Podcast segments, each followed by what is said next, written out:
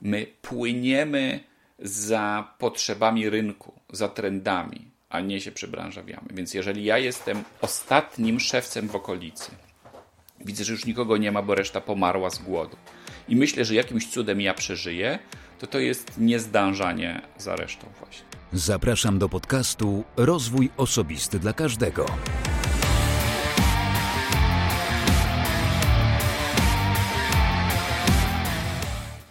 Cześć, ja nazywam się Wojtek Struzik, a Ty będziesz słuchał właśnie 122 odcinka podcastu Rozwój Osobisty dla Każdego, który nagrywam dla wszystkich zainteresowanych świadomym i efektywnym rozwojem osobistym.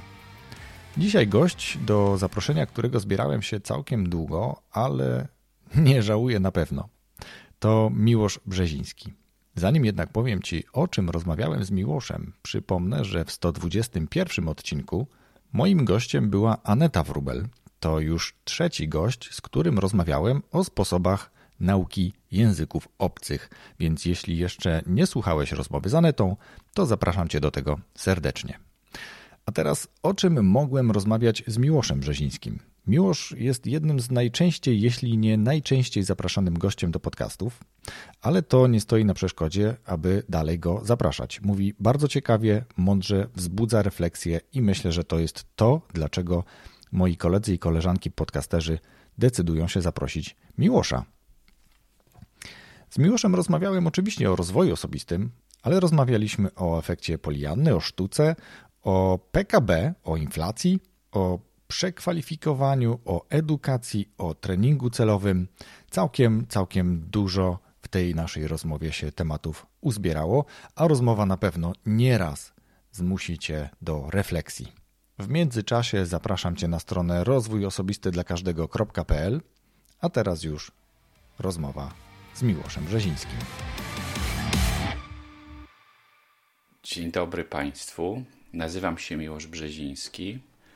Zajmuję się głównie czytaniem, e, a także trochę pisaniem, a także trochę się zajmuję konsultingiem, co jest wszystko efektem ubocznym czytania. Jak mówi stare powiedzonko niemieckie, największą tajemnicą czytania jest to, że się zamyka to, co się czytało, czyli na przykład książkę, i się wtedy zastanawia, co to się właśnie przeczytało. I na tym głównie polega czytanie. No to ono właśnie na tym głównie polega też. Że się człowiek zastanawia, co ja patrzę w ogóle, co ja patrzyłem, co ja przeczytałem i co to znaczy. I czy to się dalej sprawdza, czy się nie sprawdza, czy to jest prawda w ogóle w jakimś odczuciu czytelnika. To, to jest główne zajęcie. Nie wiem, czy to jest jakieś porywające, ale może na wszelki wypadek nie będę się rozwijał. Super. Wiesz co, już, już jest kilka takich rzeczy. Już jest kilka takich rzeczy, które y, powiedziałeś i są ciekawe, bo zastanowienie się nad tym, co się przeczytało, to jest już bardzo duży krok do przodu, bo mam czasami wrażenie, że czytamy, zamykamy, odhaczone, książka na półkę albo komuś oddajemy z powrotem i lecimy z następną, bo modne jest czytanie, mam nadzieję, że modne jest, bo to dobrze, żeby była taka moda, ale żeby coś z tego czytania wynikało, tak jak powiedziałeś, ty to później przekładasz, ty też po tym czytaniu tak jak powiedziałeś, piszesz, ale też dużo mówisz. E, ale zanim przejdziemy do, do rozmowy wokół tematu rozwoju osobistego, bo przecież to jest motyw przewodni tego podcastu, to zapytam Ciebie jeszcze o pasję. Co jest Twoją pasją hmm. albo jakie masz pasje? Za pasję możemy uznać pracę, bo jest to coś, czego jestem ciekaw cały czas. I nie wiem, co się stanie. I na przykład, jakbym miał dzisiaj umrzeć, to by było trochę szkoda, że nie będę wiedział, co się jutro okaże takich w związku z moją pracą, bo ogólnie to nie wszystkiego jestem specjalnie ciekaw, ale paru rzeczy jestem. Plus paru tam filmów, które ma, mają wyjść w przyszłym roku albo w drugiej połowie tego też jestem ciekaw. Też mi było szkoda. E, wydaje mi się, że moją pasją też jest na przykład granie na komputerze, w, a zwłaszcza ten jej społeczny wymiar, bo mam tam znajomych i gramy, i se gadamy i opowiadamy różne dowcipy, mniej lub bardziej nadające się do powtarzania. I jest to taki trochę ekwiwalent może oglądania meczy wspólnie, ale tam chłopaki siedzą i robią rzeczy w miejscach. To jest na pewno też. E, staram się definiować pasję przez to, co mi jakąś część czasu doby zajmuje i to tak mi jak to te dwie rzeczy głównie bym wymienił. Mhm. A w co gracie? Życie rodzinne i tak dalej. My gramy w takie gry e, MMO, w których się biega ludzikami, robi różne abstrakcyjne rzeczy pod pretekstem tego, że ci na tym zależy, a tak naprawdę po to, żeby móc pogadać o tym, jakie jest życie dorosłych mężczyzn.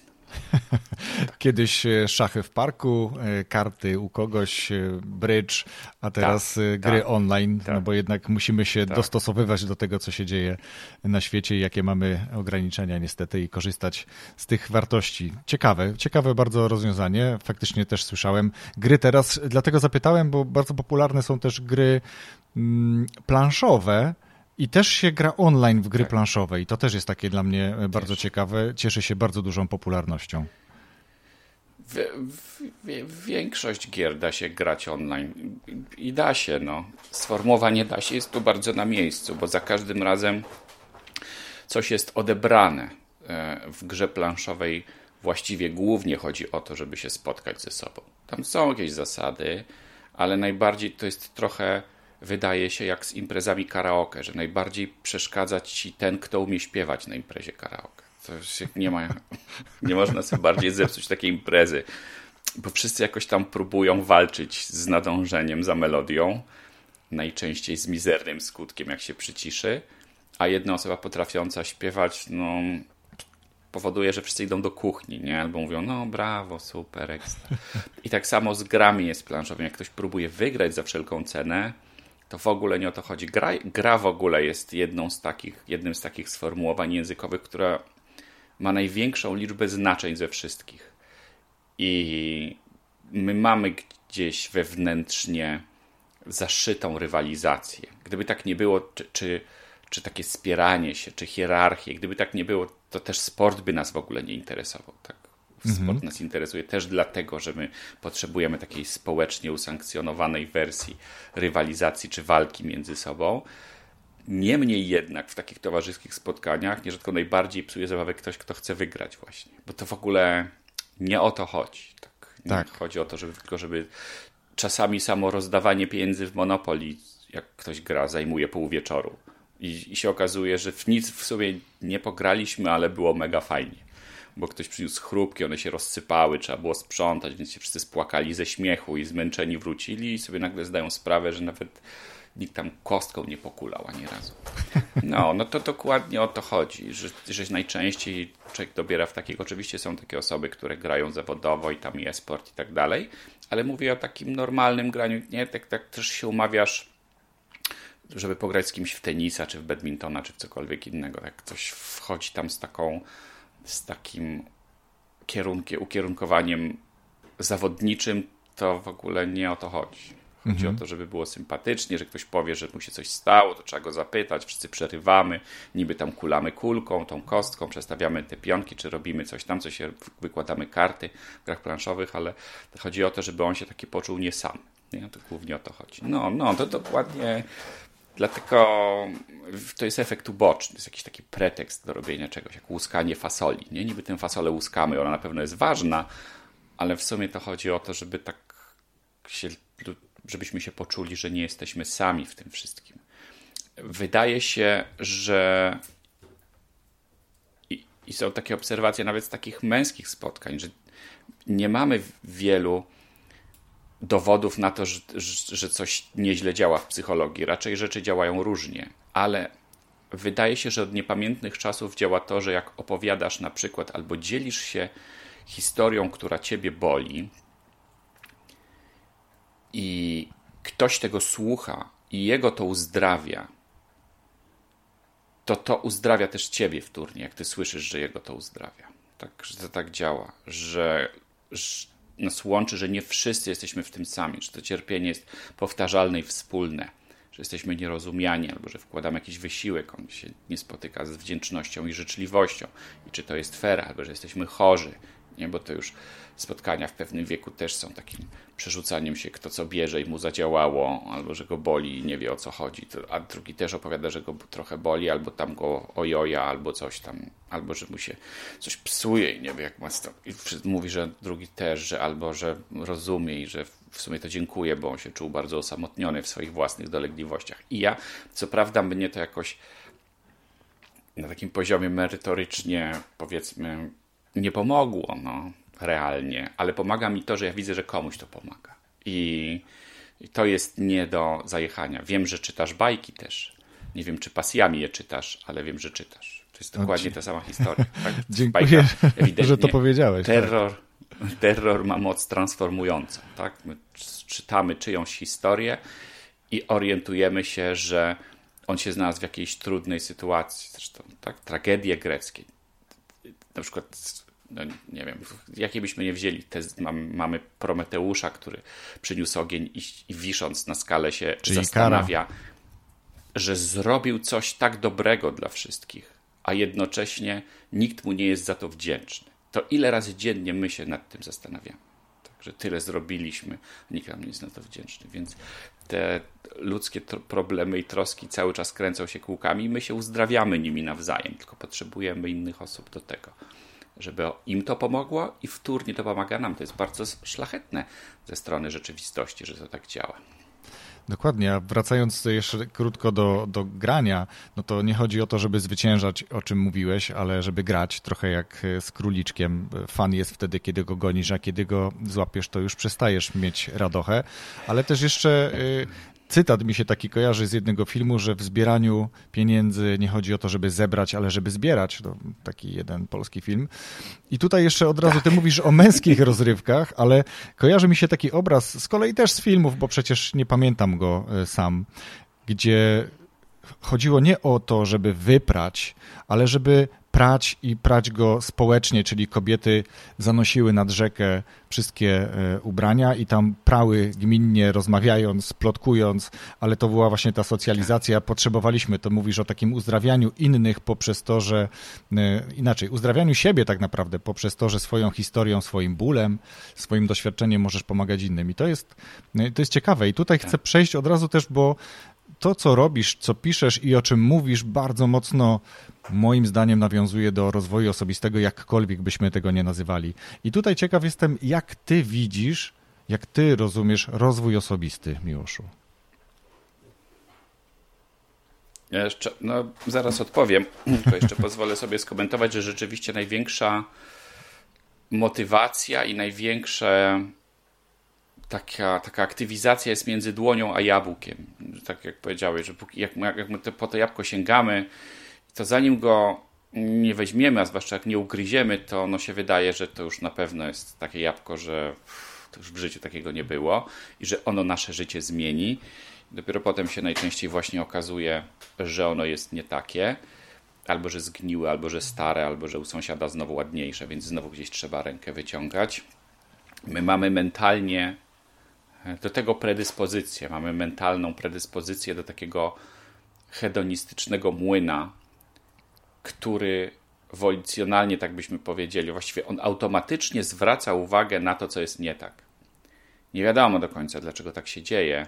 Prawdopodobnie dlatego, że te rzeczy, które są nie tak, muszą wpadać w pole naszej uwagi. One, my musimy być na nie uważni. Bo, jak mówi stare przysłowie pszczół, żeby się samorealizować, trzeba najpierw przeżyć.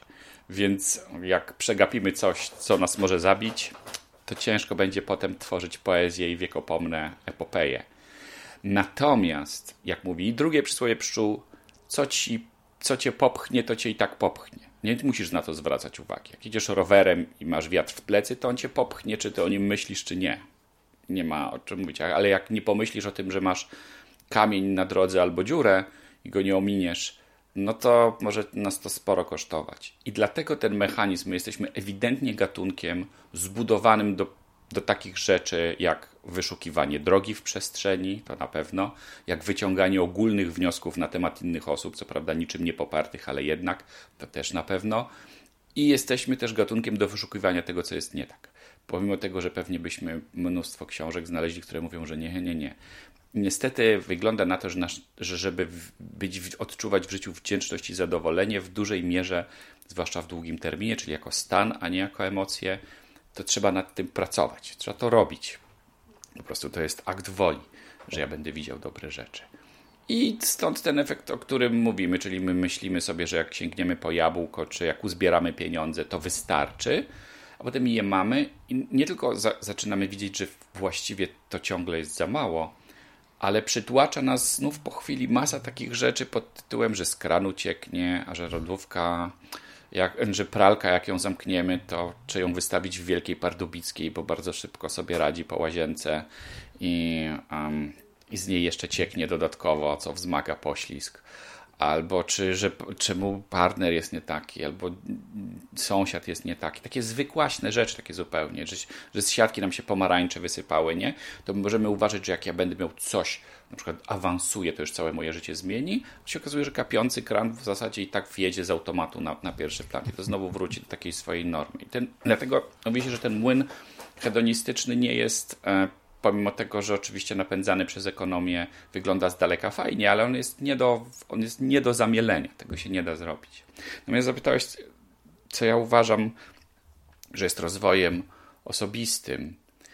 Wydaje się, że rozwój osobisty to jest całość działań, w które wkłada się swoją wolę, po to, żeby w jakiejś wybranej przez siebie dziedzinie osiągnąć ponadprzeciętny efekt. Ta, ta, ta definicja jest chyba najpopularniejsza.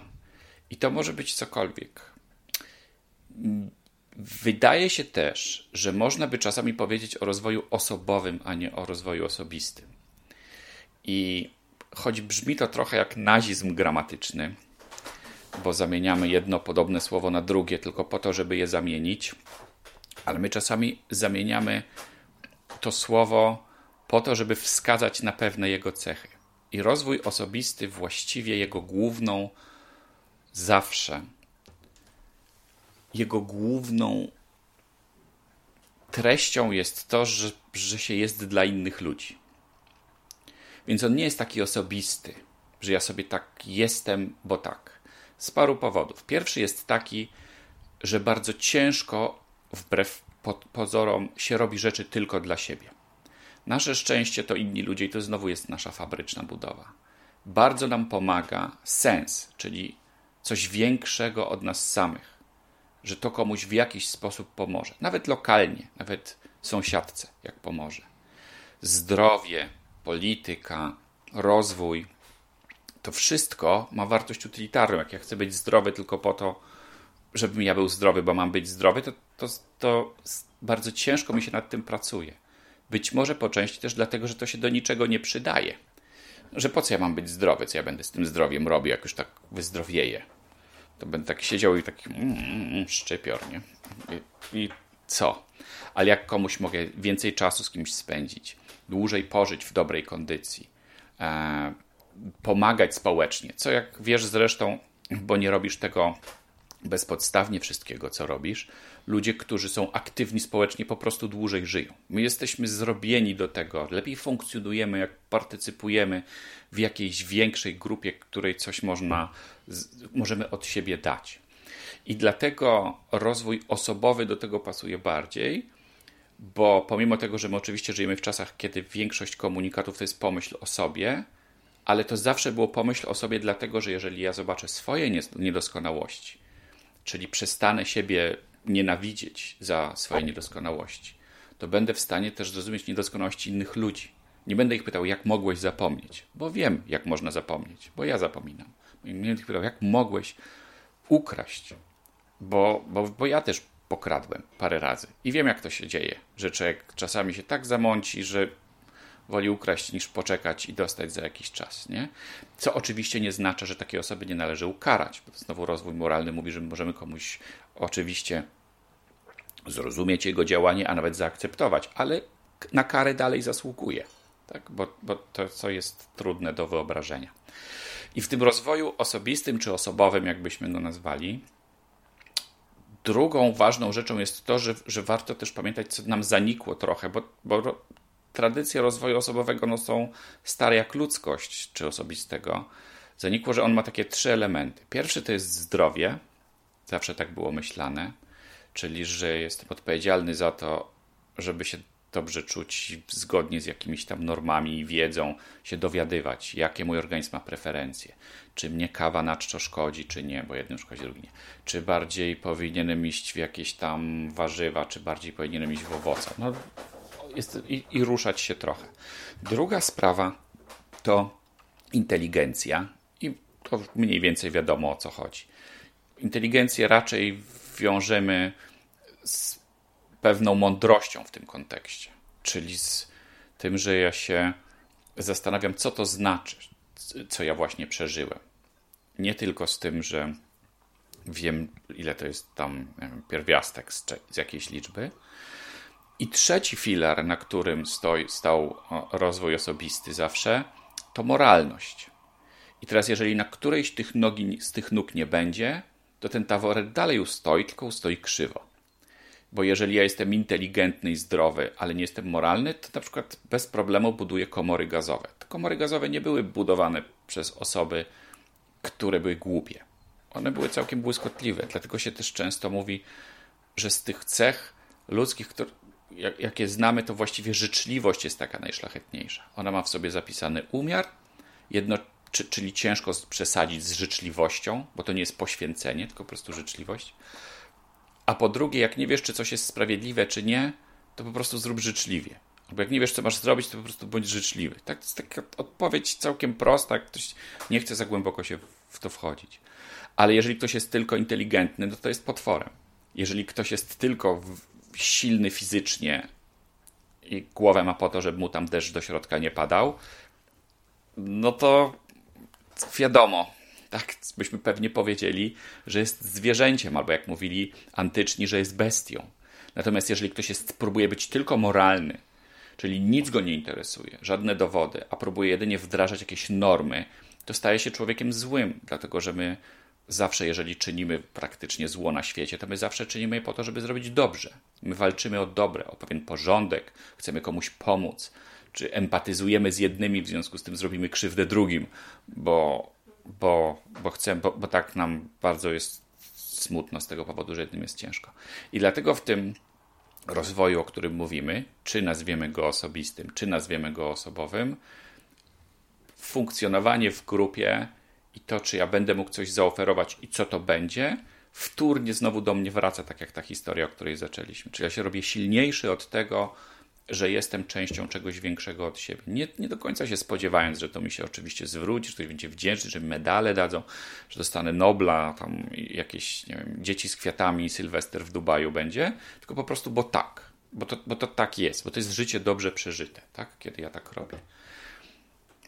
Nie wiem, czy ci to jakoś przekonało, ale. Wiesz co? Y, powiem, że odpowiadam sobie sam trochę na pytanie, które chciałem Tobie zadać, bo po pierwsze to jest już ponad 120 odcinków podcastu, a jesteś pierwszym gościem, który przedstawił rozwój osobisty jako rozwój osobowy i automatycznie gra mi to, pasuje. To, to jest mhm. coś, na co dziwne, że nikt też nie wpadł wcześniej.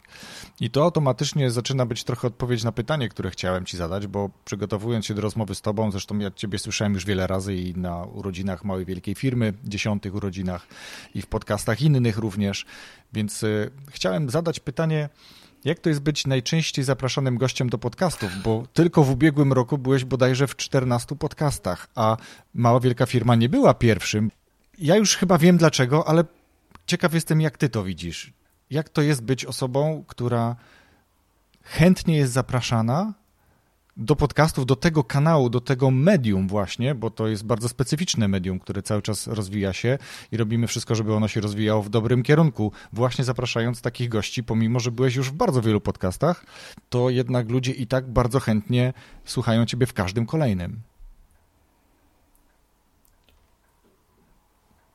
To jest duża wdzięczność bycie tak zapraszanym. Jest to wdzięczność taka wobec losu, którą ciężko oddać. że akurat interesujesz się tym, co w ogóle nie tylko ciebie interesuje.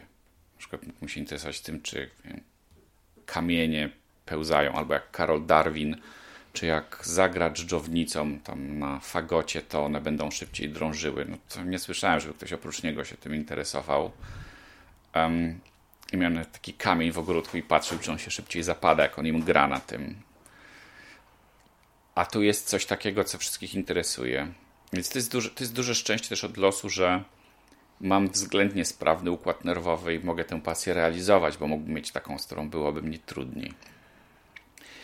I też duża wdzięczność, że potrafię zrobić to, że, że, że tak w głowie mi się to układa, że, że można się do tego odnieść w szerszym kontekście.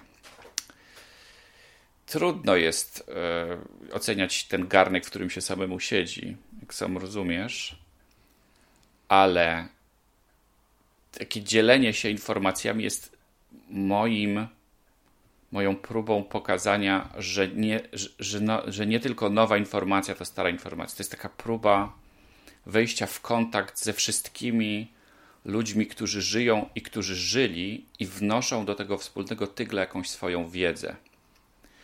Wie, na przykład rozmawialiśmy o tych tragediach greckich, tak, które ciągle są tragediami aktualnymi.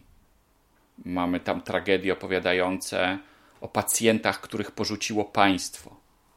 No nie jest to jakiś wątek, który wydaje nam się abstrakcyjny. Mamy tam, i czy ci pacjenci mogą temu państwu wybaczyć? To jest, tragedia, to jest tragedia o takim porzuconym wojowniku, który jest ukąszony przez węża, potem wyrocznia mówi, że państwo powinno. I on zostaje porzucony na wyspie, żeby umarł. I on umiera na tej wyspie, ale potem wyrocznia mówi, że trzeba go jednak stamtąd zabrać, bo bez niego nie wygrają. Więc państwo go próbuje oszukać. I czy on może temu państwu wybaczyć, że to państwo go porzuciło, kiedy on umierał? Mamy tragedię kobiety, która trafia do męża, czyli Medei, i jedynym sposobem na to, żeby, żeby się na nim zemścić, jest zabicie jej dzieci, własnych dzieci. I, i, i, to ludzie, którzy żyli 2000 lat temu opowiadają nam coś takiego i my mamy wrażenie, że to jest dokładnie, to tylko nie ma słowa SMS, czy tam, czy czegoś tam, czy Messenger, czy coś innego. Ale właściwie to jest ciągle ta sama historia. I możemy sobie pożyć w tych wszystkich miejscach. Może to być historia e, o, tym, o, o tym rozwoju, to jest historia z XIX wieku, tak? o tej moralności. Czyli konkretnie z 1859 roku kiedy wyszedł pierwszy w historii poradnik rozwoju osobistego. On się jeszcze wtedy tak nie nazywał. Margaret Thatcher chciała go dawać wszystkim uczniom do czytania, bo on ogólnie opowiadał o tym, że wielu ludzi na świecie miało ciężko i sobie jednak poradziło. Nie? Czyli te takie historie, takie pokrzepiające, co my znamy. Wtedy napisać. I to jest ciągle to samo. E, mamy historię z, znowu ze starożytnej Grecji o akrazji, czyli o tym, że człowiek wie, jak się zachować ale jak przyjdzie co do czego, to się nie zachowuje tak jak trzeba. No to to jest nasza codzienność, bo my, my wiemy, jak się zachować. Wiemy, jak co jeść, że trzeba się wyspać. Wiemy, że wypadałoby poczytać i że, że lepiej zjeść marchewkę niż parówkę. A jak idziemy do lodówki, to raczej prędzej weźmiemy parówkę niż marchewkę. I ci starożytni Grecy już mieli wymyślone, dlaczego tak jest, jak jest z pieniędzmi i tak dalej, i tak dalej. I to powoduje, to jest bardzo budujące, bo czujesz się wtedy naprawdę częścią bardzo, czegoś bardzo dużego. I, I mnie to bardzo porusza osobiście. I jestem ciekaw tego wszystkiego, co tam, co tam chodzi. Że za tysiąc lat nikt nie będzie pamiętał, co dziś każdy z polityków, których mamy, powiedział. No, może komuś się coś tam takiego po, ale za tysiąc lat rzeczy miał prawdopodobnie. A tragedie greckie, jeżeli ludzkość będzie istniała, będą dalej pokazywane. Sztuka jest czymś, na przykład, co my też uważamy, zresztą psychologii cały czas pomijana, bo zauważ, że psychologia, nawet jak się zajmuje nieracjonalnością, to robi badania na logikę. Tak? Czyli jakby nie potrafimy tego obejść w takich normalnych badaniach. Ale na przykład sztuka, jeżeli ktoś coś pokazuje, jakiś dramat jakiejś osoby, weźmy tę Medeę, która z rozpaczy zabija własne dzieci, żeby się zemścić na mężu, który ją zdradził, w zupełnie, marnując jej życie i w zupełnie obcym kraju. Tak? I czy to jest usankcjonowane, czy nie to to jest sztuka, często pokazuje obraz mniejszości, która żeby zainteresować resztę. Czyli mówi się, że sztuka uspokaja niespokojnych, bo pokazuje, że nie są sami, między innymi, ale niepokoi spokojnych, bo pokazuje, że coś się dzieje, a wy jeszcze tego nie widzicie, a my jeszcze tego nie widzimy. I jest mnóstwo takich łączników, wszystkich ludzi, którzy nie wszyscy umarli po drodze, którą to, z czym mając szansę się wszyscy połączyć, czujemy dużą ulgę i wydaje mi się, że pokłosiem tego jest taka to zapraszanie, no. Tak bym powiedział.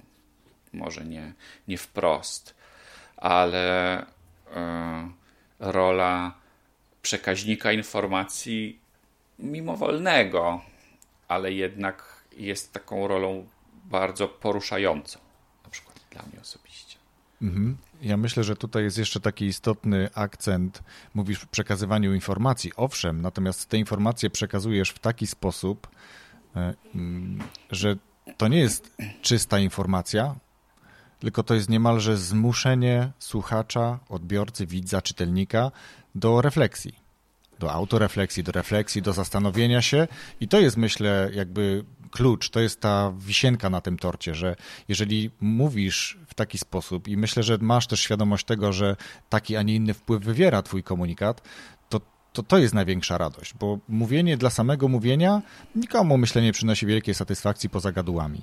Natomiast mówienie w świadomości, że jest taki impuls do tego, że ta osoba zastanowi się 10 razy być może nad kolejną rzeczą, że właśnie zrozumie, że właśnie wzbudzi jakąś empatię jeszcze.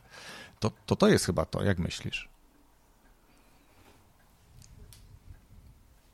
Nie widzę tego jako celu, bo ja też nie wiem, jak jest dobrze.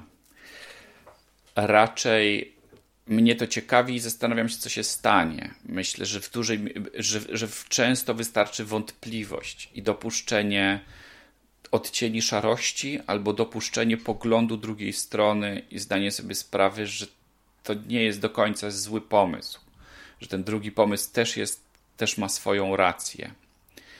I, i, i myślę, że to jest główna motywacja z, z takich, z takiego przepisywania bajek na nowo, to my jesteśmy do tego niejako przywiązani. To jest taki obowiązek każdego pokolenia, żeby wziąć pewną stałość, którą mieliśmy i przełożyć ją jeszcze raz. I zobacz, to, to się dzieje na przykład w kościele, tak, z jednej strony. Z jednej strony Jezus, którym no, wiemy, że jest postacią historyczną był kapłanem wędrującym.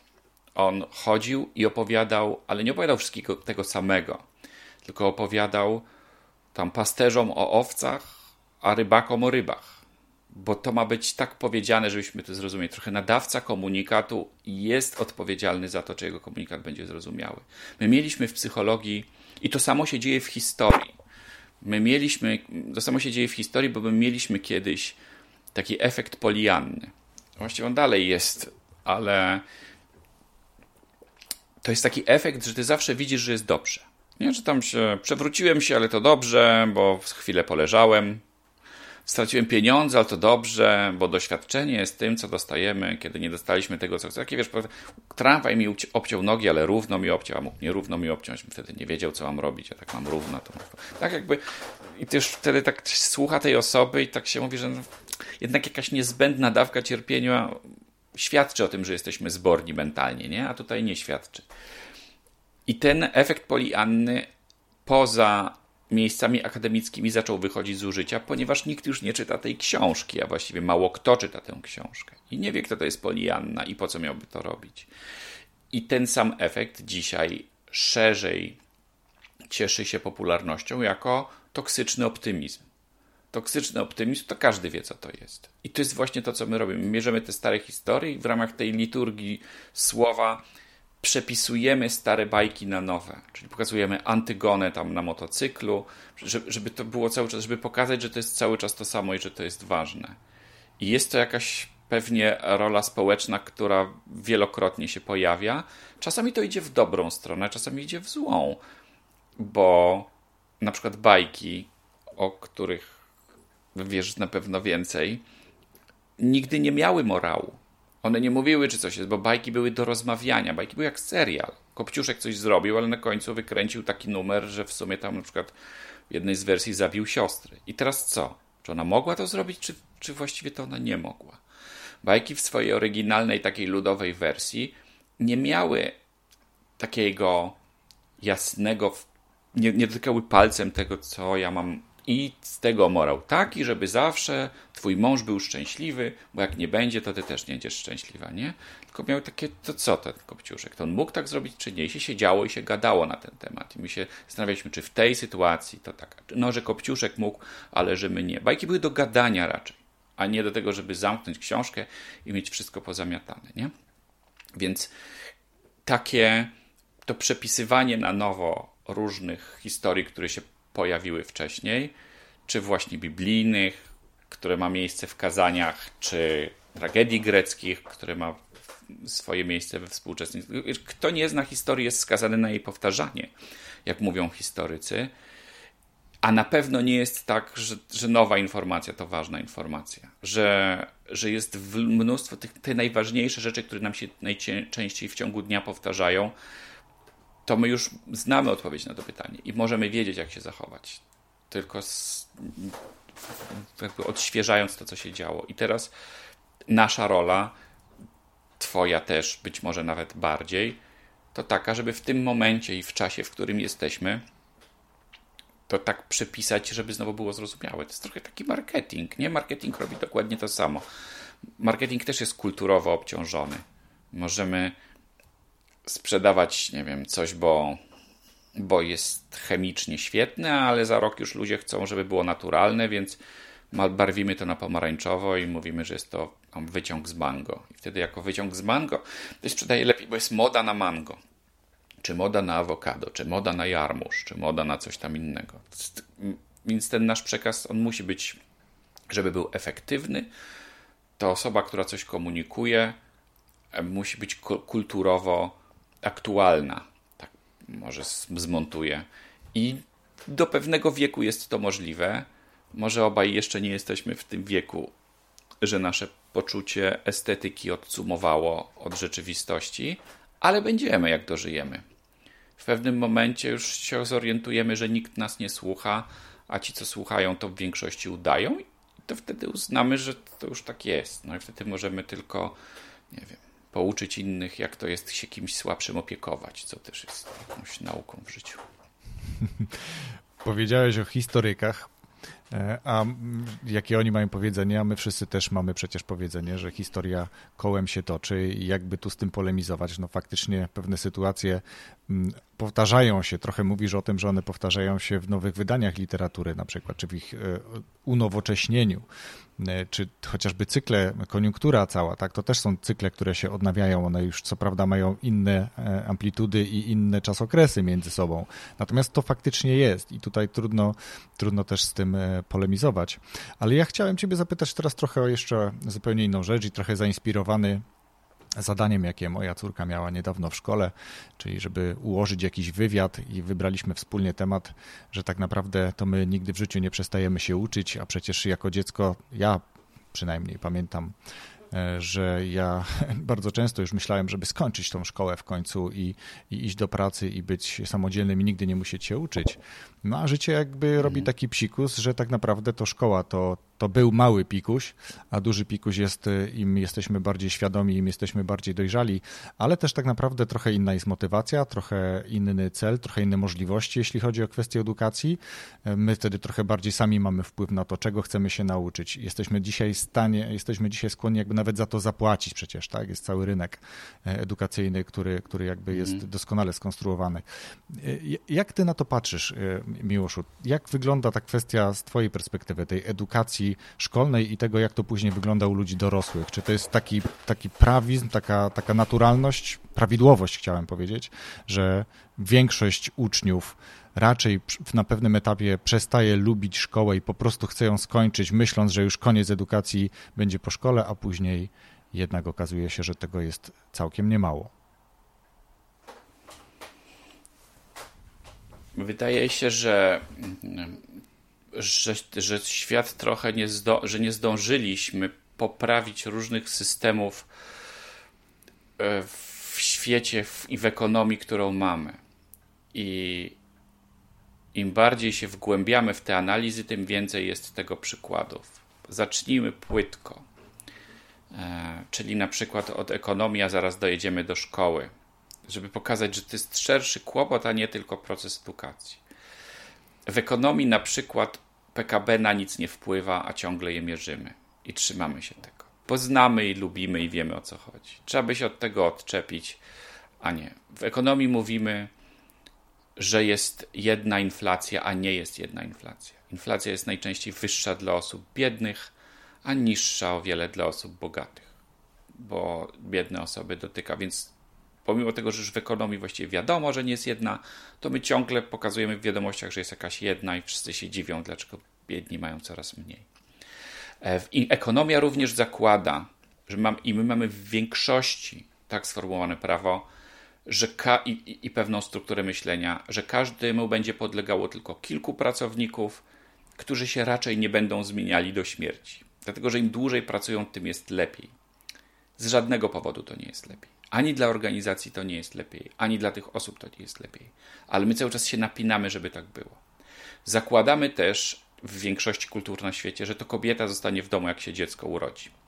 I że to ona, e, i, i że przejmie obowiązki domowe. Też w większości kultur na świecie. Mało tego, zakładamy też, co pewnie nie będzie dziwne, że większość osób, jak tylko skończy pracować, umrze bo właściwie po co była wymyślana emerytura? Emerytura była dla tych, którzy jakimś cudem przeżyli, ale właściwie zakładało się, że oni natychmiast umrą, więc to nie będzie obciążało społeczeństwa za specjalnie. Więc pomysł na emeryturę jest kompletnie z innych czasów. I wreszcie mamy szkołę, która wiele różnych rzeczy zakłada. Po pierwsze, zakłada, że te przedmioty, których uczymy, to jest w ogóle jakiś dobry pomysł. Nie jest. Życie nie jest podzielone na przedmioty, a już na pewno nie na takie jak w szkole. Druga sprawa jest taka, że szkoła zakłada, że to państwo powinno oferować człowiekowi naukę, e, czyli że ona jest mu dana, ta nauka. Wygląda na to, że żyjemy w świecie, w którym, no może skończę z tymi punktami, że jest dana, że jest dana na jakiś czas, a potem już, czyli tyle, co się nauczysz mniej więcej do 20 roku życia tam z kawałkiem, to ci już ma wystarczyć do końca. Tak? To już dawno jest nieprawda. Po pierwsze, w szkole niczego specjalnego się nie uczymy. To jest smutna prawda, bo programy są stare a, i, i ciężko z tego systemu coś wycisnąć. Nauczyciele się starają jak mogą, no ale ile możesz przepchnąć głazu, mając tylko dwie ręce? No, no, no nie zrobisz tego, bo nie jest tak, że jest tylko jedna dobra odpowiedź, jak to się często w szkole pokazuje, nie, w życiu. Nie jest tak w życiu, że jak nie wiesz, to nie wolno nikogo zapytać. Wręcz przeciwnie, trzeba kogoś zapytać. I nie jest tak w życiu, że jak robisz sam, to jest dobrze. A w szkole najczęściej jest tak, że jak robisz sam, to jest dobrze. W życiu, jak robisz z kimś, to jest o wiele lepiej. E, nie ma przedmiotów jak na przykład praca nad związkiem. Wydaje się bardziej zasadne niż wiele innych, które się pojawiają. Nie ma przedmiotów takich jak budżet domowy też wydaje się to bardzo zasadne, o wiele bardziej niż cała reszta, którą tam. No moglibyśmy. Dlaczego w sumie zamiast WF-u nie ma tańca? To jest o wiele lepsze. Jakby ktoś chciał chodzić na kółko jakieś tam i rzucać piłką lekarską, to niech chodzi.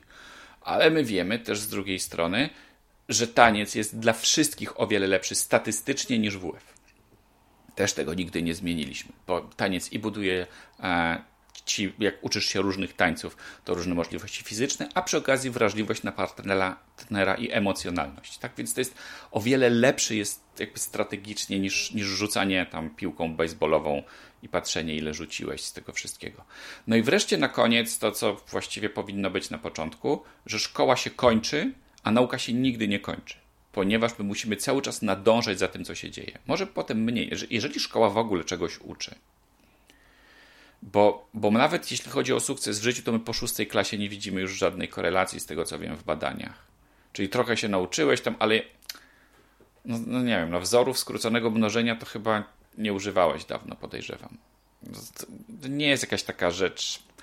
Historia, no zwłaszcza w Polsce, jest uczona tak, jakby się wszystko działo tak samo. Najczęściej jest uczona tak, jakby Polska była w centrum wszechświata i, i jedziemy przez cały program, a potem jeszcze raz przez to samo jedziemy. Tak jakby tam to było jeszcze za mało, nie? Zamiast na przykład się zastanawiać nad tym, że są różne rodzaje, były różne rodzaje monarchii. Jedna była taka, druga taka. U nas jest tylko jeden najczęściej wkładany. Więc, a, a dlaczego właściwie nie zmienić przedmiotów w taki sposób, jak to postulują czasami, żeby uczyć nie takimi przedmiotami, tylko żeby na przykład tematem tygodnia było jabłko. I rozmawiasz o jabłku na biologii, że to z kwiatostanu coś tam, na fizyce, że ono nie ma swojej granicy, bo żaden stały przedmiot nie ma swojej granicy, a na przykład jak siedzicie na krzesłach, to pupa nie dotyka waszych krzeseł. To jest wszystko pusta przestrzeń. 90% rzeczywistości to jest pusta przestrzeń. A możemy rozmawiać w kulturze i porozmawiać o jabłku w mitologii. A możemy porozmawiać na IT albo na biznesie, albo na czym innym i porozmawiać o firmie Apple i tak dalej, i tak dalej. Czyli bierzesz coś i pokazujesz, ile rzeczy się z tym łączy, ile przedmiotów, jakie to jest ciekawe i tu nie ma żadnego podziału na przedmioty. Tak jak w życiu. Nie masz poczucia, że to się, bo, bo tak jak w firmie.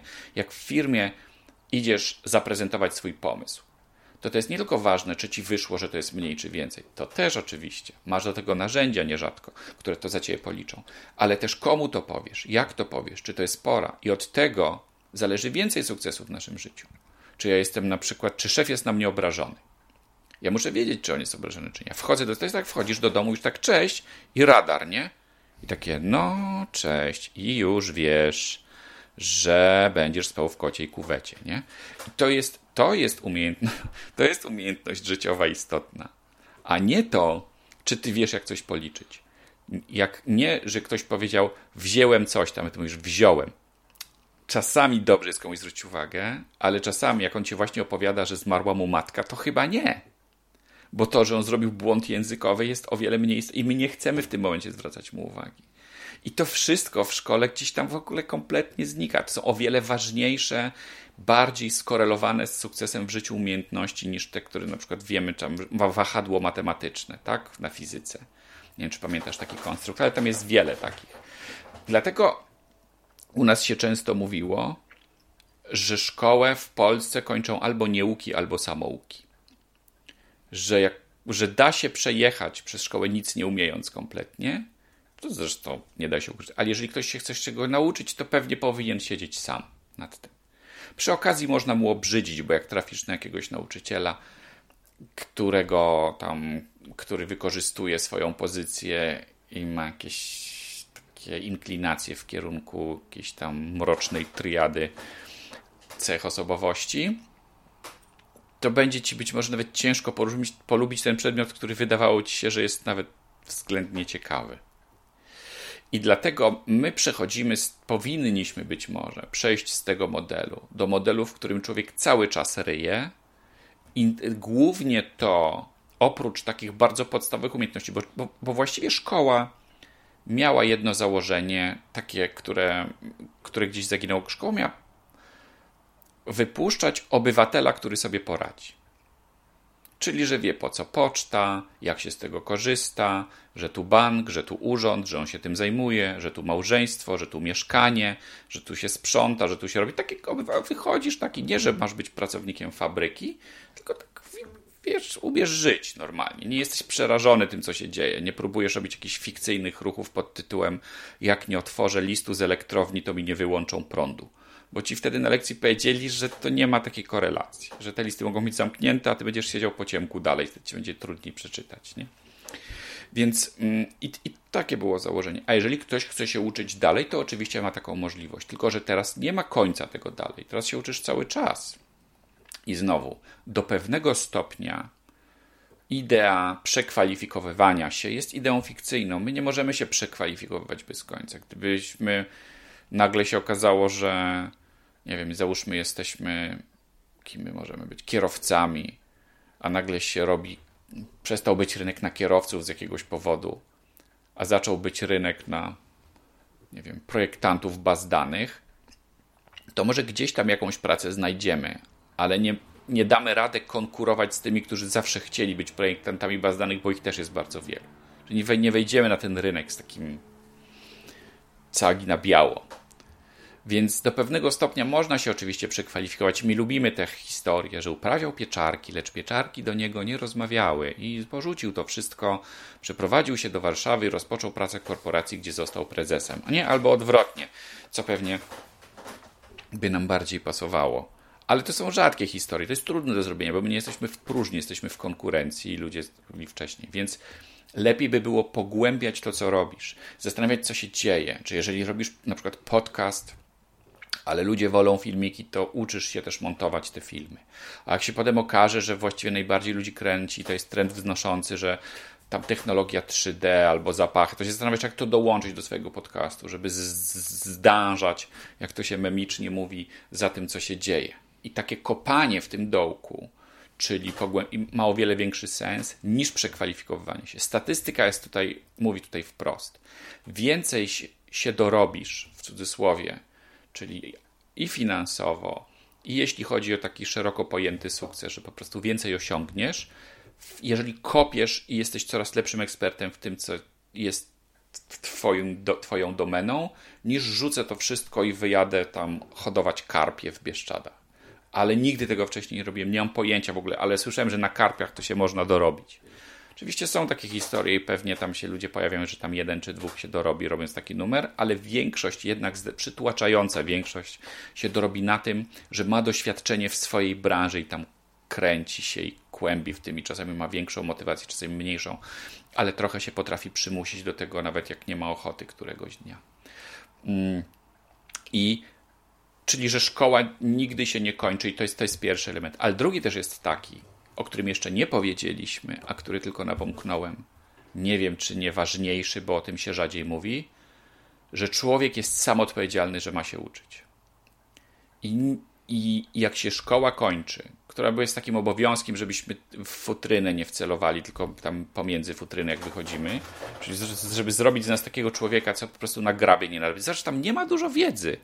Naprawdę można by to spokojnie ogarnąć jakimiś miłymi zajęciami, coś sobie popatrzeć, porozmawiać, pochodzić po parku. To, co tam, co ludzie lubią, jak są młodzi, no. Takie, wiesz Tymczasem zamiast robić testy, a wiemy już raczej że ciągle, że trawa nie rośnie szybciej, jak się ją ciągle mierzy, podobnie zresztą z dziećmi i młodzieżą, więc to naprawdę można by tak pogadać, poddać to refleksji, czy jakie związki lepsze, czy co z historii fajnego, a co z fizyki fajnego, tak żyć tak, nie? Normalnie. To potem od tego momentu już człowiek jest odpowiedzialny sam za to, żeby się uczyć. Nie tylko w szkole, ale też w pracy przychodzi do pracy, to pracodawca nie jest od tego, żeby mu wciskać szkolenia. Ja muszę sam zdążać, żeby znowu nie użyć słowa zdążać. Ja muszę sam szukać, bo ja wiem, że to jest wyścig. I jak ja się zagapię, powiem, że ja co prawda piszę we Frontierze, czyli jakimś tam pierwszym języku programowania, i teraz wszyscy muszą mnie zrozumieć, a ktoś powie w firmie, że firma teraz, nie wiem, programuje w innym, a ja powiem, że nie, bo ja umiem ten i trudno i co mi pan zrobisz, no to wiadomo, co mi pan zrobi, tak? Organizacja umożliwia rozwój poza strukturami organizacji. No to robi najczęściej organizacja. I ma rację, bo to my jesteśmy odpowiedzialni, czyli edukacja to nie jest coś, co się otrzymuje. Organizacja to jest coś, co się, przepraszam, edukacja to jest coś, co się bierze. Tak samo jak dojrzałość. Dojrzałość to też nie jest coś, co się otrzymuje, tak? Że kopniemy znowu głęboko, bo to jest ta sama kategoria wartości. Rodzice nie mogą ci dać dorosłości. Ty musisz ich zabrać, dorosłość. Tak? To znowu byśmy się cofnęli do słynnego mitu, w którym matka chowa klucz pod poduszką w swojej sypialni i trzeba ją ukraść, żeby się stać dorosłym mężczyzną. Ten, znaczy, nie tą matkę, trzeba ukraść ten klucz. Ona nie może ci dać tego klucza do dorosłości nie, rodzic nie może spowodować, że jesteś dorosły. Ty musisz się sprzeciwić, musisz zrobić po swojemu, musisz to odebrać, często wbrew takiej trochę udawanej niezgodzie. Nie, nie wyjeżdżaj, my lubimy z tobą mieszkać, nie? I tak dalej, bo rodzice też przecież nie chcą, żebyśmy się wyprowadzali. I to jest jedna z takich wielu życiów rzeczy, bo jest część oczywiście takich, których mogą, które mogą nam dać inni, ale jest całkiem spora, że tylko my sobie możemy dać, a właściwie to zabrać. I edukacja jest do zabierania sobie. My mamy, jak ja chcę coś robić lepiej, to i to jest też ten rozwój osobisty, czy osobowy, czy jakikolwiek tam inny. My go po prostu szukamy aktywnie i wkładamy wysiłek, tak? Znowu wspomniałeś tutaj słynną rozmowę z Markiem w małej, wielkiej firmie, że jest to wysiłek żmudny, długi i trudny nierzadko, a nie szukanie grzybów. Czyli ja wchodzę do firmy, mówię, o, tu nie ma sukcesu, to pójdę sobie do drugiej firmy. Tylko ja pracuję nad tym, tak jak w związku. To nie jest tak, że zgodność w związku jest warunkiem wejścia do związku. Zgodność w związku jest efektem wypracowania tej zgodności, więc ja się uczę. Tak? Zgodność w związku to jest nagroda za to, że w ogóle bo przecież jak ja się w kimś zakochuję, to ja nie mam pojęcia, czy jestem z nim zgodny, czy nie. Bo tam w ogóle mam wszystkie bezpieczniki wyłączone, w ogóle wszyscy są na wakacjach. To w ogóle tam nie ma co się pytać, czy to jest dla mnie odpowiedni partner, bo tam tak jak na westernach, tylko taki krzak się przetoczy. Tam kry krytyczne myślenie jest wyłączone. Ja dopiero potem muszę zapracować na to, żeby ta osoba ze mną się względnie zgadzała. W nagrodę jest zgodność związku. To też jest do, nie do dostania i to nie naraz. To nie jest coś takiego, że ja wchodzę do związku i mówię, a nie, nie, to ten związek niedobry, bo tu nie jesteśmy zgodni, sobie poszukam jakiegoś innego. Nie wchodzimy na gotowe. No, więc wydaje mi się, że chciałem tak podkreślić ten element zabierania sobie edukacji, dlatego że on jest najrzadziej chyba się pojawia w tych wypowiedziach. Po to, że mamy się uczyć całe życie, to wiesz, też z drugiej strony prawda jest taka, że, że tej edukacji jakoś tak na szczęście też dużo nie potrzeba, jak ktoś nie chce, żeby nie umrzeć, żeby na te grabie nie nadeptywać, bo my mówimy, że technologia się rozwija. Technologia się nie rozwija jakoś super szybko. Tam nie ma jakiegoś takiego impetu. Bądźmy uczciwi. Ostatnie nowe urządzenie w kuchni się pojawiło w latach 60. To była mikrofalówka. Nie każdy nawet jej używa. Poza tym wszystko mamy od dawna. Komputery do 2000, 2000 może czwartego, piątego, no to coś tam robiły takiego nowe, ale od 2005 my to samo mniej więcej robimy na komputerach, zauważyłeś? Mamy Office, mamy te same aplikacje, on tam są jakieś zabawkowe różne rzeczy, ale ciężko powiedzieć, żeby to się jakieś takie zrobiło, takie w ogóle nie wiadomo co nowego, że tego wcześniej nie było. Samochody autonomiczne, no nie jeżdżą jeszcze same. Samochody autonomiczne po raz pierwszy pojawiły się w latach 70. jako pomysł. I nadal nie jeżdżą, więc właściwie w technologii My lubimy czytać w nagłówkach i lidach nowy pomysł na roboty, coś tam. W technologii, żeby coś zaczęło działać tak na poważnie, to jest potrzeba z 30 lat. No to plus nasze wewnętrzne, tak jak mówił Douglas Adams, że wszystko, co pojawia się w Twoim życiu po 35 roku życia uważasz za obrazę boskiego porządku. Nie? Takie, że czyli jakbyś już, no ja już na przykład jestem po tym etapie. Czyli właściwie jak ktoś coś nowego wymyśli, to już się muszę liczyć z tym, że w mojej głowie zderzy się to z obrzydzeniem. Nie wiem, co to będzie, ale już wiem, że nie powinno istnieć na świecie, nie? Czy tam będzie, nie wiem, TikTok czy coś innego. To nie jest tak, że ja uważam, że to jest coś złego, bo ja właściwie cały czas uważam, że młodzież robi bezcelowe rzeczy i jak jeszcze jakoś tak trochę jestem w stanie przy, do świadomości momenty, kiedy młodzież była taka, kiedy ja byłem młodzieżą i tam też się wykonywało bezcelowe czynności. Tak jest, jest, jest dobrze. Właściwie możemy powiedzieć tak, że jeżeli młodzież komponuje taką muzykę, jak dorośli, że dorośli ją rozumieją, to to jest źle. Jakby, znaczy, że to jest zmarnowany jakiś moment. Każdy ma mieć swoją muzykę i swoje zrobione rzeczy. My już mieliśmy swoją szansę i to jest ten świat, w którym żyjemy teraz. Jakoś nie wiem, czy jest się czym chwalić za bardzo. Więc przemądrzanie się w naszym miejscu nie jest, w naszym momencie nie jest specjalnie usankcjonowane, bo ani ten rozmawiany przez nas teraz system edukacji, ani reszta nie wygląda jakoś tak, że tyłek urywa przy asfalcie. Właściwie nawet niewiele zmieniliśmy, a można było. Można było. E, I więc kończąc, a jednocześnie wracając do, do, do tego, czym powiedziałeś, dla mnie najważniejszym wątkiem jest to, że nauka jest do, do, a nie do dostawania. Mhm. Super, fantastyczna wypowiedź, y, Miłosz. Ale też y, powiedziałeś o dwóch rzeczach, które, do których chciałem nawiązać. Y, jedno to jest przebranżowienie, czyli nagła, nawet nie nagła, bo to właśnie nie powinno być raczej nagłe, ale nabycie umiejętności robienia czegoś zgoła innego. I powiedziałeś to później nawiązując do tego, że postęp technologiczny nie jest wcale taki szybki, jak nam się wydaje, czy jak myślimy, że jest, czy jak nam mówią, że jest.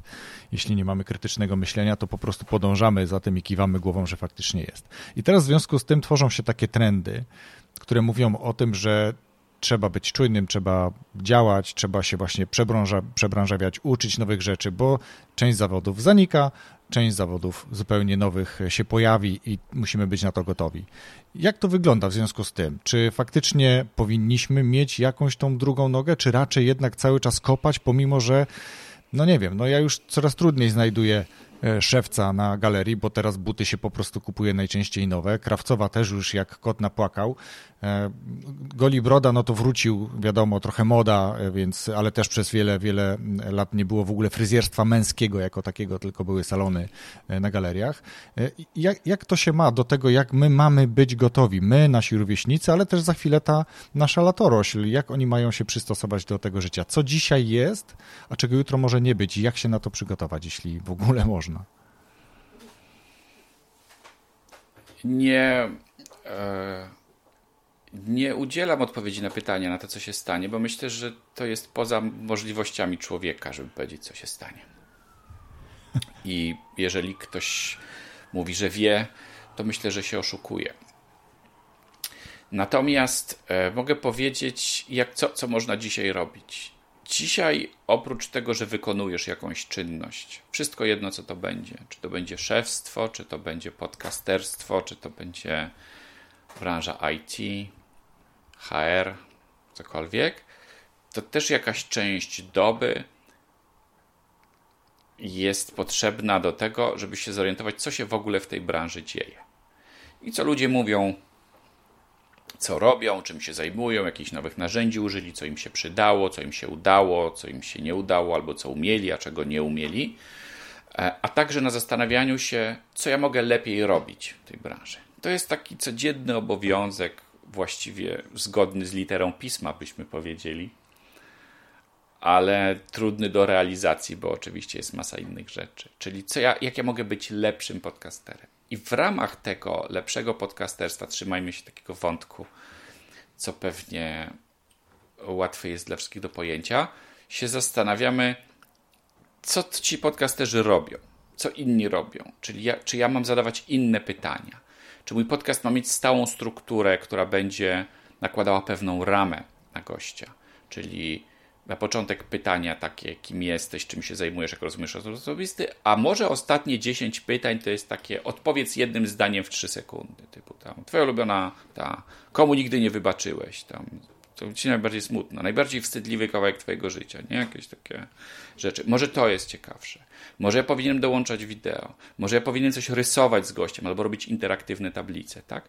To raczej my płyniemy za potrzebami rynku, za trendami, a nie się przebranżawiamy. Więc jeżeli ja jestem ostatnim szewcem w okolicy, widzę, że już nikogo nie ma, bo reszta pomarła z głodu i myślę, że jakimś cudem ja przeżyję, to to jest niezdążanie za resztą właśnie. Czyli nie spazmatyczny Herkules, że ja się raz na 5 lat sprawdzę, co tam w programowaniu w języku Ruby na przykład, albo baz danych nie, tylko ja codziennie, taka bardziej pracowita mróweczka.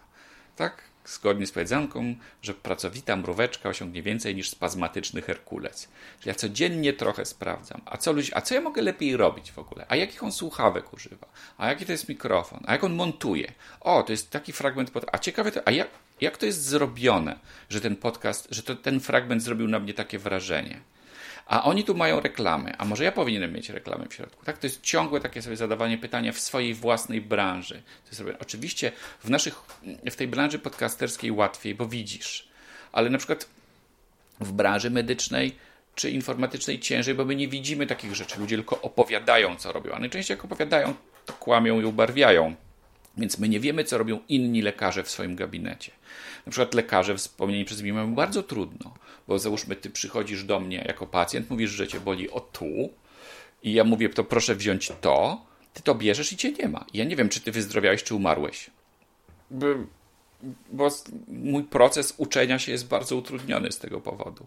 Ale jeżeli mam dostęp do takich informacji, czy do grup jakichś, które to robią, to ja, i to wystarczy nie takie przebranżawianie się, rzucę wszystko i coś tam. Bo jak powiedziałem wcześniej, wiesz, wszystko jest dla ludzi, ale jeżeli miałbym odpowiadać z tej swojej części głowy odpowiadającej za statystykę i consulting, to bym powiedział, że tam nie. To jest, to fajnie wygląda, zwłaszcza z daleka i w case studies w poprawiających humor magazynach biznesowych, ale to jest jak skok bez spadochronu. Znaczy, może przeżyjesz, ale raczej nie bardzo. Najlepiej jest podążać za tym, co się dzieje i być kreatywnym, co się dzieje. Czyli na przykład, może jeszcze nikt na to nie wpadł, że można coś. Czyli oglądasz jakiś film przyrodniczy i ci przyjdzie do głowy, że jedna lampa okrągła zamiast jakiejś tam, bo żuki się, kiedy filmujemy żuki, tam czyta pani Krystyna Czubówna, kiedy filmujemy żuki lampą okrągłą, wydaje się jakby coś, mówisz, kurna, zobaczmy okrągłą lampę, nie? Czyli bierzesz na przykład z innej branży i przekładasz do siebie i patrzysz, co byś mógł zrobić. I możemy myśleć o tym jako przedsiębiorcy, możemy o tym myśleć też jako osobę, jako osobiście ja, czy jak na przykład jestem, załóżmy, trenerem, takim, takim, że prowadzę szkolenia, to może się na przykład okazać, że powinienem iść na kurs robienia ładnego flipchartów i pisać, bo bazgrole.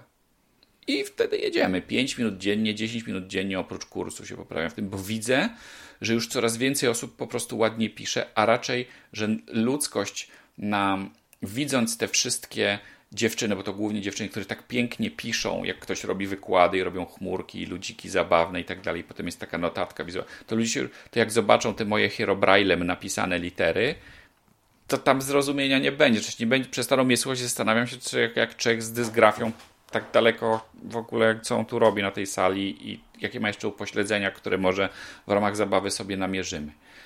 Więc siedzisz wtedy i robisz to. I to też jest element takiego taki, że, że ty cały czas coś ze sobą robisz, cały czas coś, coś, coś nad sobą robisz w tej kategorii, w której jesteś. Szukasz takich, aktywnie szukasz miejsca, w których mógł, miejsc, w których mógłbyś być lepszy. A nie, ja już skończyłem trzy kursy, to ja umiem. Dlaczego to nie jest dobre podejście? Właściwie. No, czy, właściwie to nie wiem, dlaczego to nie jest dobre podejście, bo ono też nie jest złe. Jak nikomu krzywdy nie robisz, to, to moglibyśmy uznać, że nie jest, a ciężko mi w tym momencie pomyśleć, komu to ja robię krzywdę, być może marnuję czyjś, czyjś czas. Ale zmierzam do czegoś innego. Do tego, że powtarzanie to nie jest ćwiczenie. Jeżeli mamy takie badania związane z umiejętnością kierowania samochodami, bo to jest bardzo częsty, jak zapewne już w życiu wielokrotnie słyszałeś argument. Ja mam prawo jazdy od 30 lat i w związku z tym to, że ktoś ma prawo jazdy od 30 lat, jak pokazują badania, oznacza, że jeździ albo tak samo jak po kursie, albo trochę gorzej. Nie pamięta albo nie zna nowych przepisów, bo kto zagląda do przepisów, jak już ma prawo jazdy? Się jeździ, są znaki, niektórych nie pamiętasz.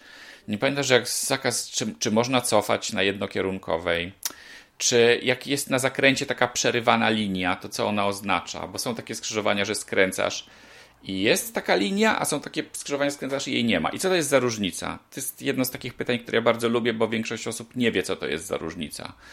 I się też tym specjalnie nie interesuje. Jak jedzie pociąg, to się zatrzymujesz, jak nie jedzie, to się nie zatrzymujesz. I tak, tak się żyje, nie? W związku z tym wyszło na jaw, że samo powtarzanie czynności nas utępia w tym, że nam się wydaje, że fakt, że my coś robimy cały czas, to robimy lepiej, ale najczęściej nie za specjalnie. I ktoś, kto przez dwa lata po kursie na prawo jazdy chodziłby na różnego rodzaju kursy, czyli kurs hamowania na śniegu, śniegowania na hamowaniu, skręcania tam w błocie, ratowania się z tonącego samochodu i tak dalej, to on po czterech latach jest lepszym kierowcą niż my po 30, jak jeździmy do pracy i z powrotem ewentualnie do spożywczaka po zakupy po pracy. Siłą rzeczy. Dlatego, że to jest moc treningu celowego i jego przewaga nad powtarzaniem. Powtarzanie nie powoduje, że jesteś w czymś lepszy, tylko że jesteś gorszy.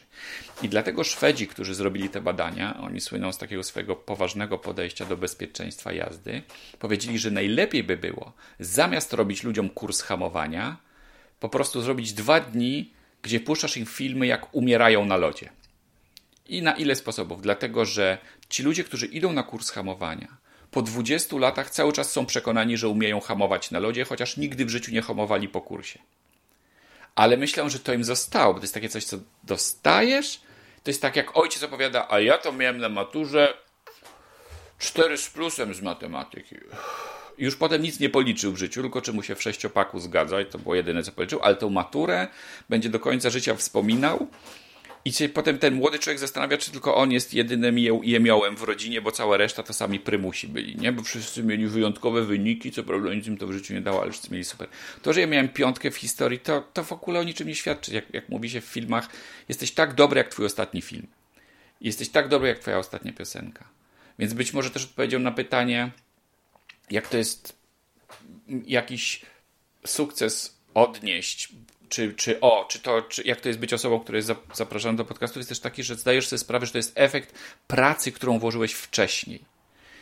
I żeby teraz zapracować na kolejny, to trzeba cały czas robić. Cały czas coś się musi dziać, cały czas trzeba pracować, bo to już, tam, bo to już tamto to się odbyło, tamto to już się działo.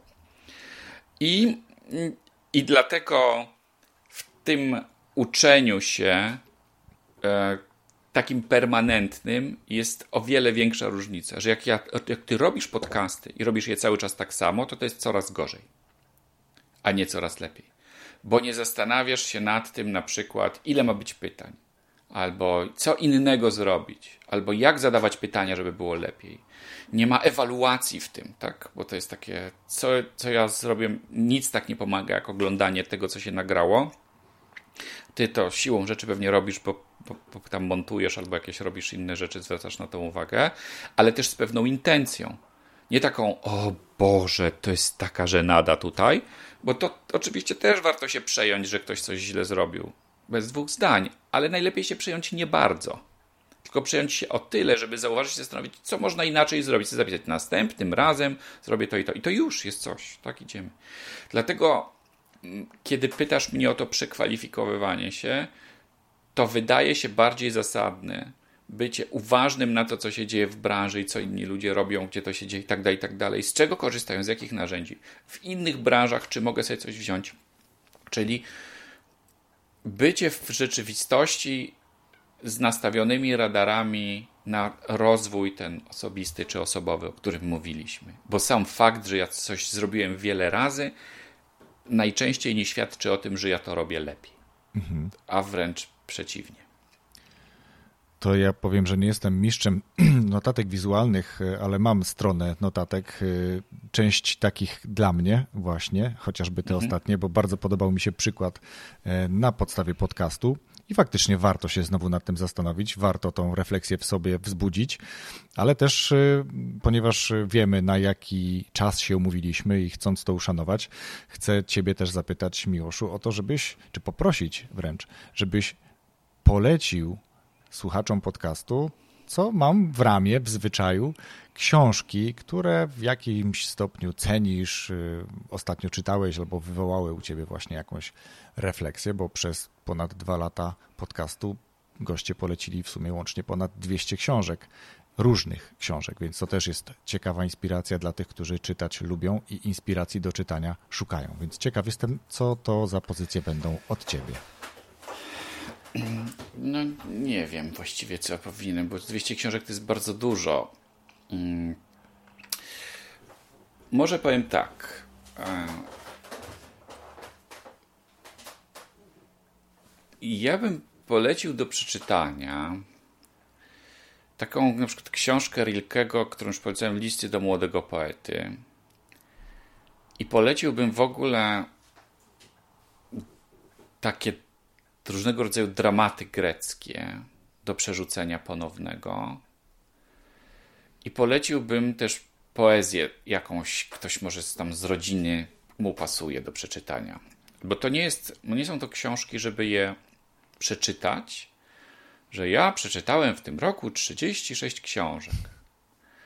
E, ale w przyszłym planuję 40, bo już wiem, gdzie to mogę zrobić. Tylko są to takie książki, żeby je przeczytać kawałek i zastanowić, co to ja właśnie przeczytałem. Co to jest, dlaczego to autor tego mógłby być moim kolegą, bo co tam jest takiego, co ja rozumiem.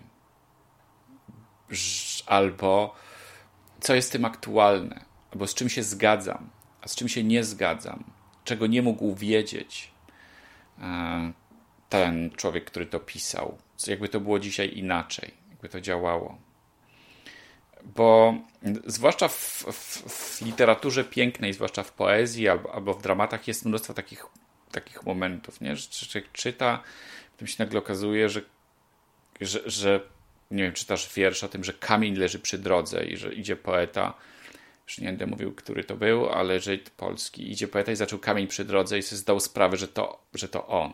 Że jest takim kamieniem, że on leży przy drodze że nawet nie wie, gdzie ta droga jest. Że wszyscy przejeżdżają, tak przy tej drodze leży. I patrzy, jak ludzie przejeżdżają. I człowiek czyta, to jest pół zwrotki. I czujesz, że ci krew z mózgu odpływa po tym. Że to, że, że to ci więcej mówi niż jakbyś przeczytał, nie wiem, że warto coś tam, albo że wszyscy przedsiębiorcy, to też oczywiście też, nie? Ale zwłaszcza poezja ma w sobie moc zawierania w lapidarny sposób kwestii, które są dla wszystkich istotne i także, jak, jak mówi autor mojego księcia, że już się nie da nic odjąć.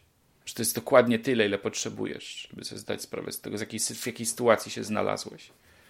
No i do tego potrzeba być poetą, żeby iść i zacząć kamień przy drodze i żeby ci przyszło to do głowy, bo ja na przykład ostatnio minąłem dużo kamieni nic takiego mi nie przyszło do głowy, ale jak przeczytałem ten kawałek, to od razu. Dlatego ja bym takiej książki Państwu polecił. Często jest tak, że ktoś w rodzinie lubi jakiegoś poetę. To warto zwrócić na to uwagę. A często ktoś nie lubi jakiegoś poety. To też czasami warto. Można popytać na przykład babci albo te wywiady rodzinne i narracje rodzinne są bardzo fajne do eksplorowania, bo my często jesteśmy bardzo podobni w rodzinie, albo marzymy o tym, żeby być niepodobni, a potem z wiekiem i z przerażeniem stwierdzamy, że jednak robimy się podobni do naszych rodziców, chociaż całe życie próbowaliśmy nie. I dlatego pytanie innych w rodzinie o zdanie jest nie tylko szansą, żeby się dowiedzieć czegoś nowego, na przykład jakiej poetki mama nie lubiła, i z jakiego powodu, ale też zajrzeć, co to tam takiego jest, że, że ona nie lubiła. A nie ma dużo czytania. Można sobie przed snem zrobić taką, taką praktykę, że sobie kawałek przeczytam przed snem i, i się zastanowię nad tymi wszystkimi rzeczami. To się dobrze zasypia. Lepiej niż przy wiadomościach na pewno z internetu. O. Na pewno, na pewno. Nie oglądam, nie słucham, e, wyłączyłem wiadomości, nie mam. Znaczy jest telewizor, ale nie do telewizji naszej, którą oglądamy. Ale okej, okay, dobra, e, genialne w ogóle. E, znowu zmuszenie trochę do refleksji, do wykroczenia poza jakieś takie swoje utarte schematy, za co Ci bardzo dziękuję. I tradycyjnie też zapytam, jeżeli słuchacze chcą, a nie znają, w co wątpię, ale powiedzmy, że się zdarzy taki Kowalski, to gdzie Miłosz odsyła takich ludzi? Do swojej strony, do jakiegoś profilu, gdzie najchętniej? E, Miłosz odsyła do swojej strony takich ludzi. Tam się bardzo często w dziale pojawiają publikacje. E, jest strona na Facebooku, jest newsletter, w którym jak się trochę uzbiera, to pisze, co się uzbierało od ostatniego razu z takich ogólnodostępnych miejsc na internecie wywiady. O tym podcaście też na pewno napiszę, będzie w newsletterze. Tam, tam w dziale kontakt trzeba się wpisać. E, I tak to są, mam jakiś tam Instagram, coś, który traktuję trochę jako mikrobloga. Więc właściwie to wszędzie, ale, ale te, te miejsca są najbardziej popularne. Wydaje się, że Facebook jest taką dobrą zlewką, newsletter jest taką dobrą zlewką. Tam ktoś chce podążać, staram się być powściągliwy w tym, co tam wytwarzam. Bardzo dziękuję mi już w takim razie za polecenie, za genialną rozmowę i mam nadzieję do ponownego zobaczenia, kiedy trochę nam się sytuacja na świecie uspokoi. Dziękuję Ci bardzo. Państwo też życzę wszystkiego dobrego, żebyśmy się wszyscy odnaleźli. Jak się odnajdziemy, to już sobie poradzimy, bo wspólnie raźni. Dziękuję bardzo. Rozwój osobisty dla każdego.